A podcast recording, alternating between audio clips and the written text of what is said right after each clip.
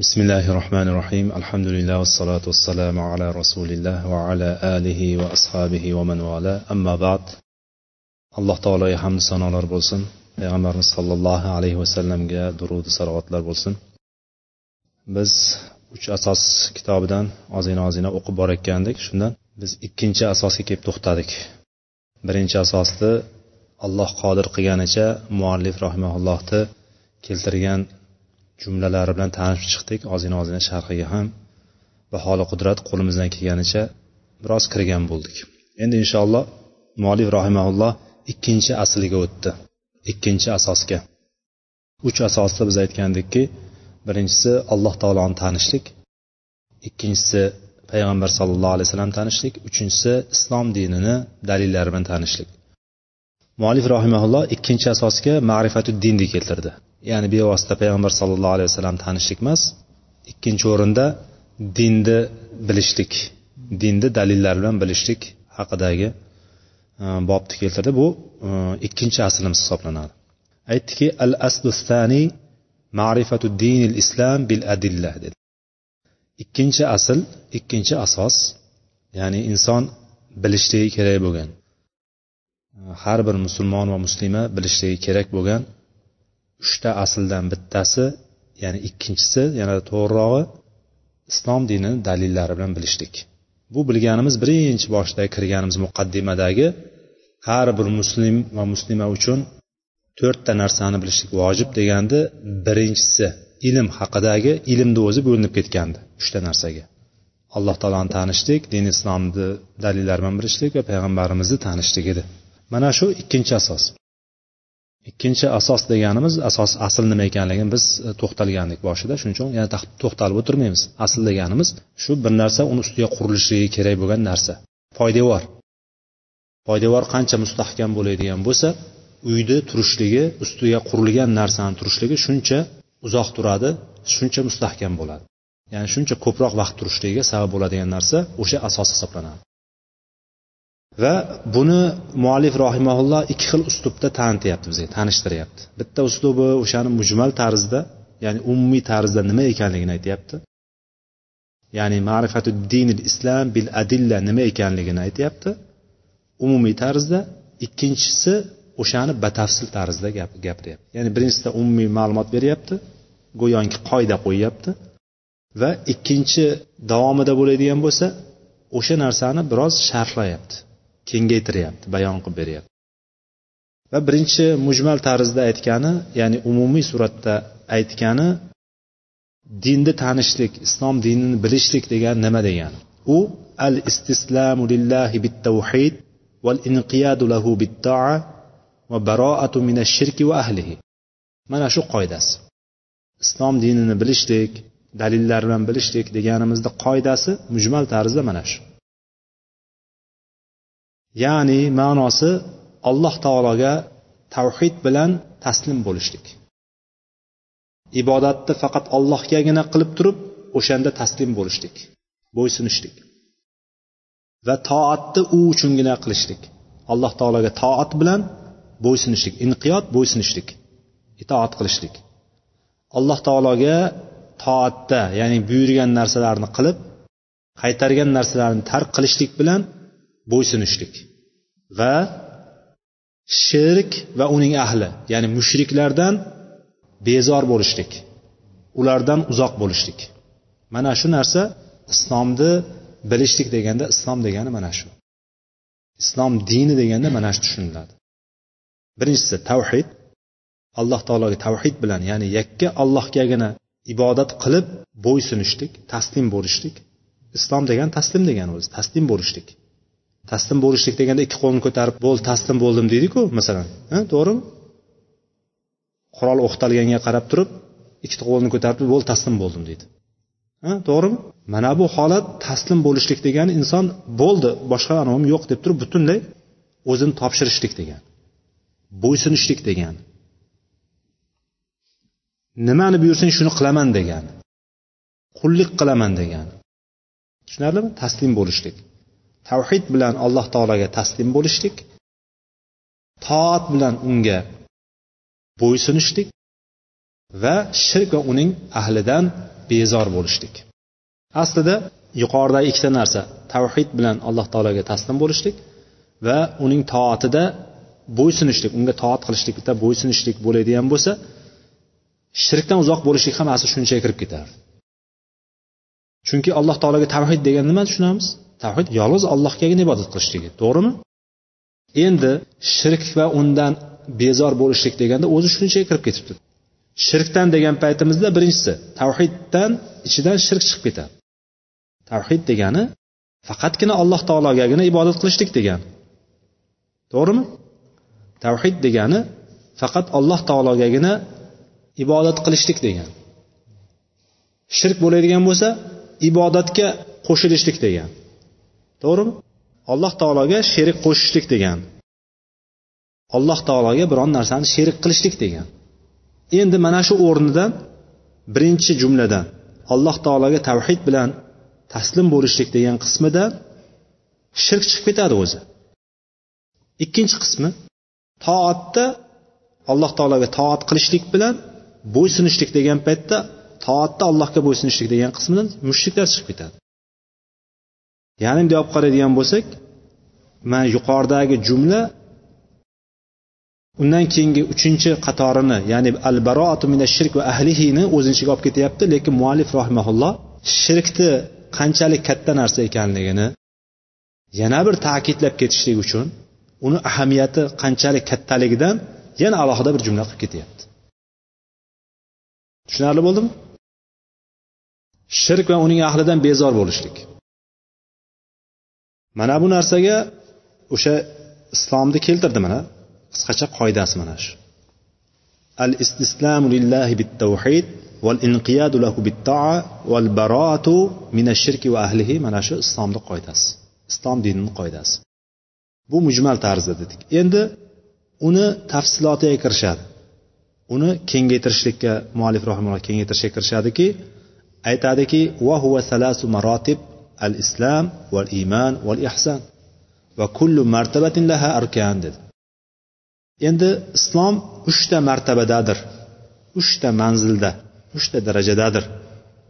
Islom iymon va ehson dedi. Ketma ketlikda islom iymon va ehson uchta darajasi bor uchta martabasi bor va bularni har birini o'ziga yarasha arkonlari bor rukunlari bor. Har birini rukuni bor. Uchinchisi nima ekan? Ehson ekan. Va mana shu hali uch har bittasini o'zini arkonlari rukunlari bor. Rukunlari deganimiz asoslari ham xuddi go'yoki asoslariga e, nima edi? Ustunlariga o'xshaydi. O'shalarsiz tasavvur qilib bo'lmaydi o'shalarsiz tik turmaydi ular. Bino o'shasiz tikka turmaydi.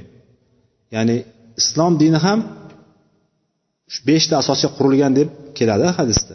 O'shalarsiz islom barpo bo'lmaydi. Bularni ham har bittasini o'zini arkoni bor hali bularni har bittasini zikri bitta bitta keladi. Endi bulardan muallif rahimaulloh birinchisiga kirdi. Har bittasida martabasi bor degandan keyin islom martabasiga kirdi. Birinchi martaba bu.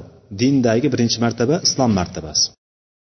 Aytdiki fa arkanul islom xomsatun islomning arkonlari islomning arkonlari beshtadir. Shahadatu alla la ilaha illalloh va anna muhammadan rasululloh. Va iqomus solah va itauz zaka va savmu ramazon va hajju baytillahil harom islom islomning beshta rukni bor.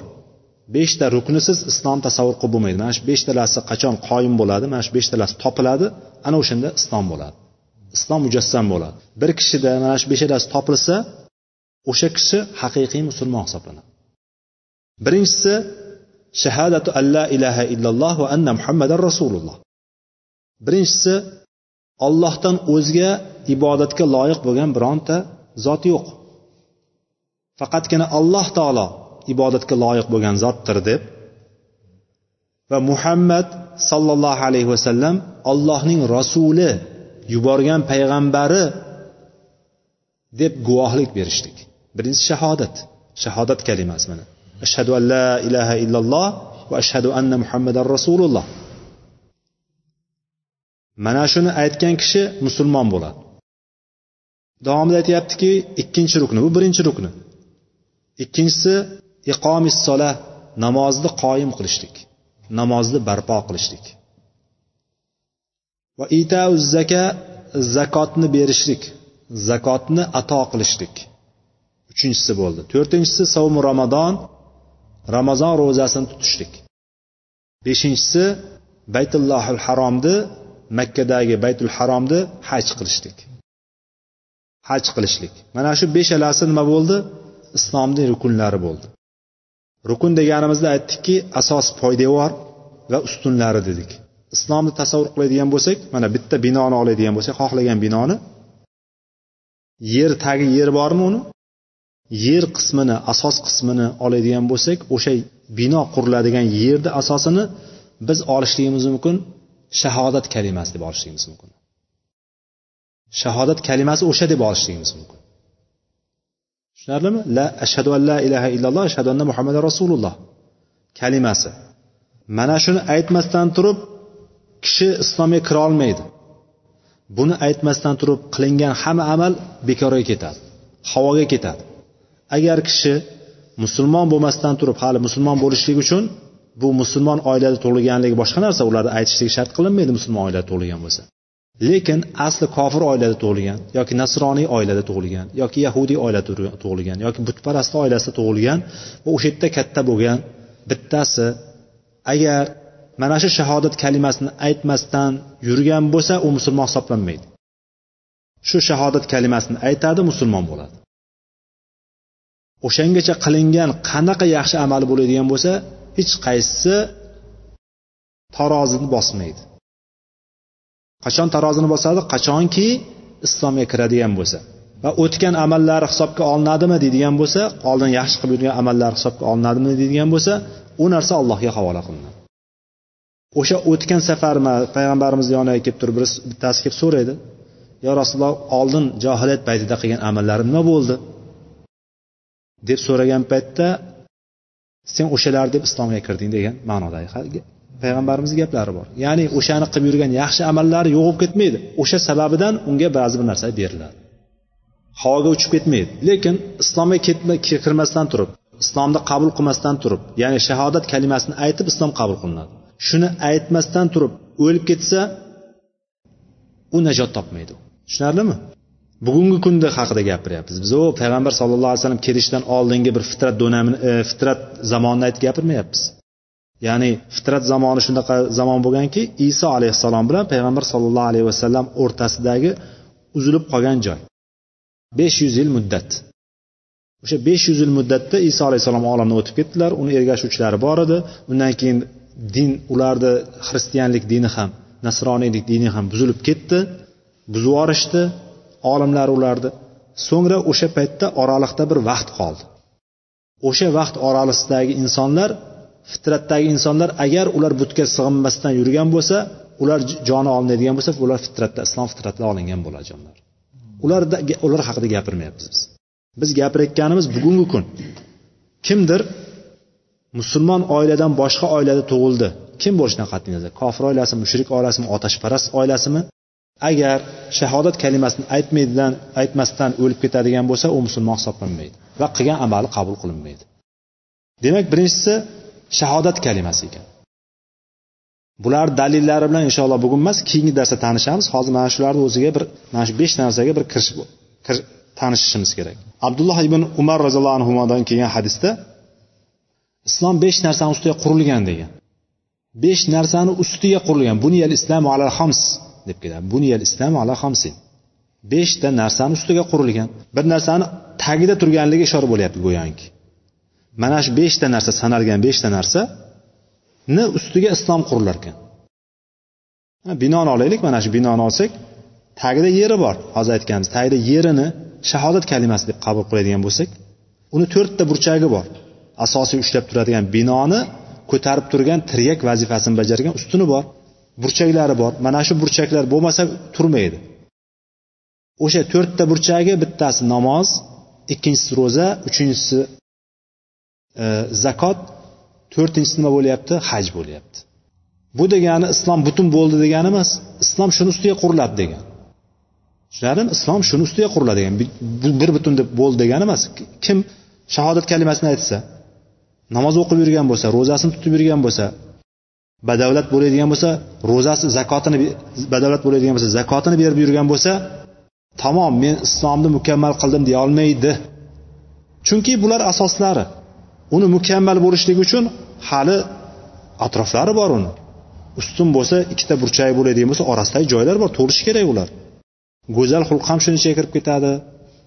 Hayo ham shuni ichiga kirib ketadi. Yoki insonlarga yordam berishlik ham shunchaga ichiga kirib ketadi ota onaga yaxshilik qilishlik ham shunchaga ichiga kirib ketadi sadoqatlar qilishlik ham kirib ketadi. Va zirvatu sanamihi al jihadu fi sabilillah deganlar payg'ambar sallallohu alayhi vasallam. Bu uyni tomi ollohni yo'lidagi jihod deganlar.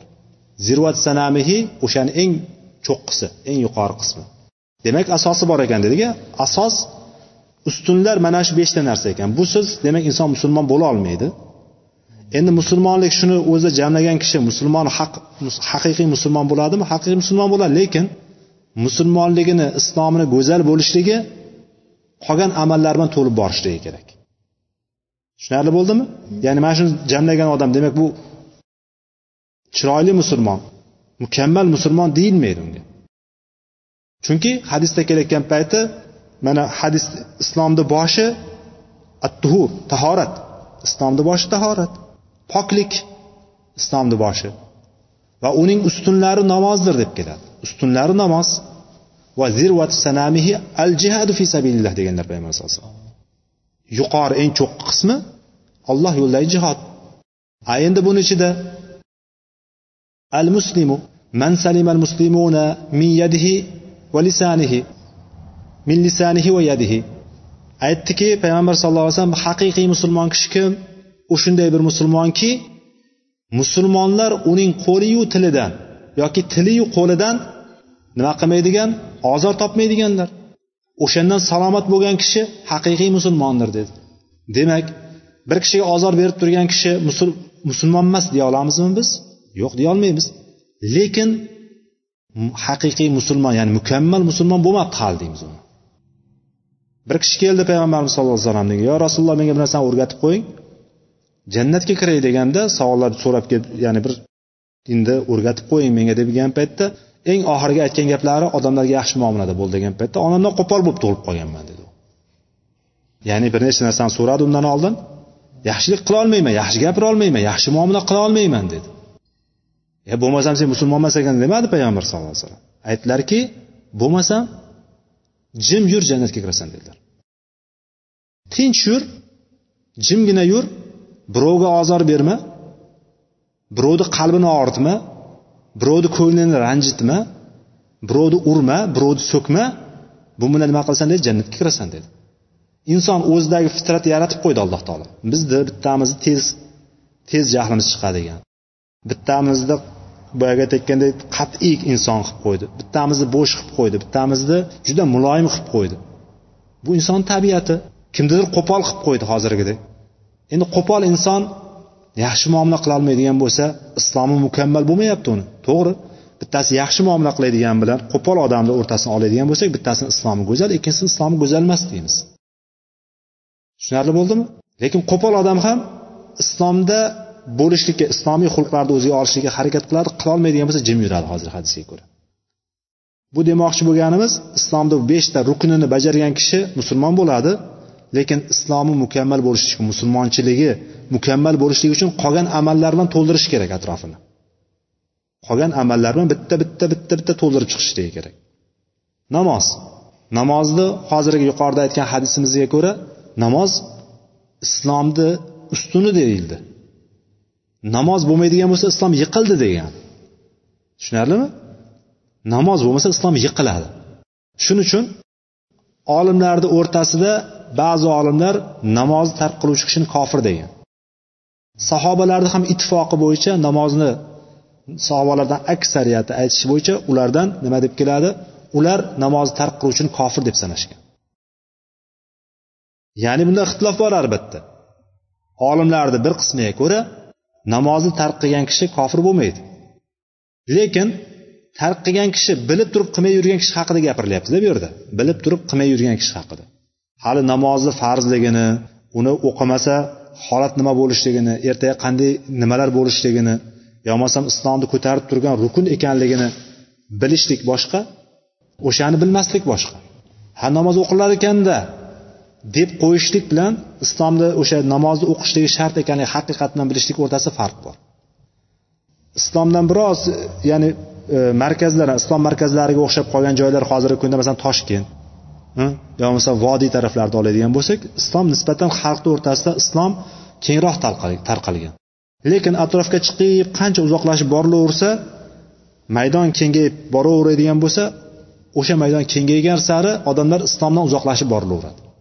Odamlarda namoz yoqda tursin boshqa amallar ham islomni musulmonchilik nimaligini ham bilmaydigan darajaga tushib qolgan insonlar. Bir tavhid kalimasini aytolmaydi. La ilaha illallohni aytolmaydi ular. Aytolmaydi bilmaydi o'sha nima ekanligini ham bilmaydi. La ilaha illalloh muhammad rasulullohni bilmaydi hatto. Odamlar shunaqa bir johillashib ketganki ya'ni johillashib ketgan degani dindan shundoq uzoqlashib ketgan lekin musulmonman deydi. Sen musulmon emassan deb turib aytib ko'ring urib boshingizni yoradi o'shalar.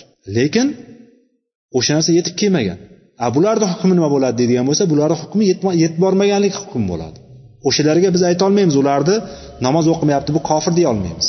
Lekin hamma joyda yetib turgan yetkazilib turgan namozni farz ekanligini hamma bilib turgan holatda namozni qasddan tark qilgan kishini kofir deb hukm bersa bo'ladi. Yoki bir namozni o'qib yurdi namoz nimaligini bildi lekin o'sha namozdan chiqib ketib qoldi.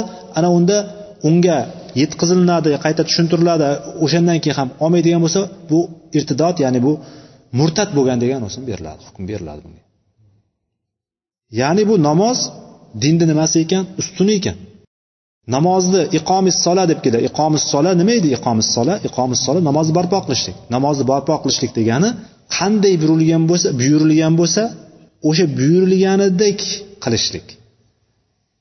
Buyurilganidek qilishlik degan paytimizda namoz vaqtlari e'tiborini bilishligimiz kerak namozni ahamiyatini bilishligimiz kerak namozni qachon kirib qachon chiqishligini bilishligimiz kerak o'z vaqtida. Undan keyin payg'ambarimiz sollallohu alayhi vasallam aytganlarki sollu kama roaytumuni usolli deganlar. Men qanday namoz o'qiydigan bo'lsam xuddi shunday namoz o'qinglar degan. Ya'ni bunday olib qaragan paytimizda namoz shartlari bor namozni farzlari bor sunnatlari bor. Mana shularni hammasini bir joyga jamlab qiladi inson namoz shartlarini keltiradi. Masalan tahorat namozi sharti qiblaga yuzlanish namozi sharti poklik namozi sharti. Joyida pok bo'lishligi kiyimda pok bo'lishligi. Vaqtini kirishligi namozi sharti. Mana bular shartlari bajariladi undan keyin farzlarga kiradi. Niyatdan boshlab farz deyiladi masalan. Niyat farzdan boshlanadi birinchi farz. O'shandan boshlab turib shartlarini farzlarini sunnatlarini mukammal qilgan kishi namozni barpo qilgan kishi hisoblanadi. Undan keyin zakot. Zakotni lug'aviy ma'nosi ziyodalik ziyoda bo'lishlik o'sish ma'nosi bor. Shar'iy ma'nosi bo'ladigan bo'lsa uni inson qodir bo'ladigan bo'lsa o'zini molidan haqdorlarga berishligi haqdorlarga molidan bir qismini berishligi zakotni ham masalan puldan bo'lishligi boshqacha chorva hayvonlardan anomdan boshqacha o'simliklardan boshqacha. Ya'ni biz ularga kirmayapmiz hozir. Shuning uchun inson molidan bir qismini hammasini emas yarmini emas uchdan birini emas beshdan birini emas. Ko'p buyoqqa keladigani ekin tekindan agar o'zi yomg'ir suvi bilan o'sadigan ekin tekinlar bo'ladigan bo'lsa don dunga o'xshagan saqlansa bo'ladigan ekinlardan zakot chiqariladi bu narsani oshur deydi o'ndan biri beriladi.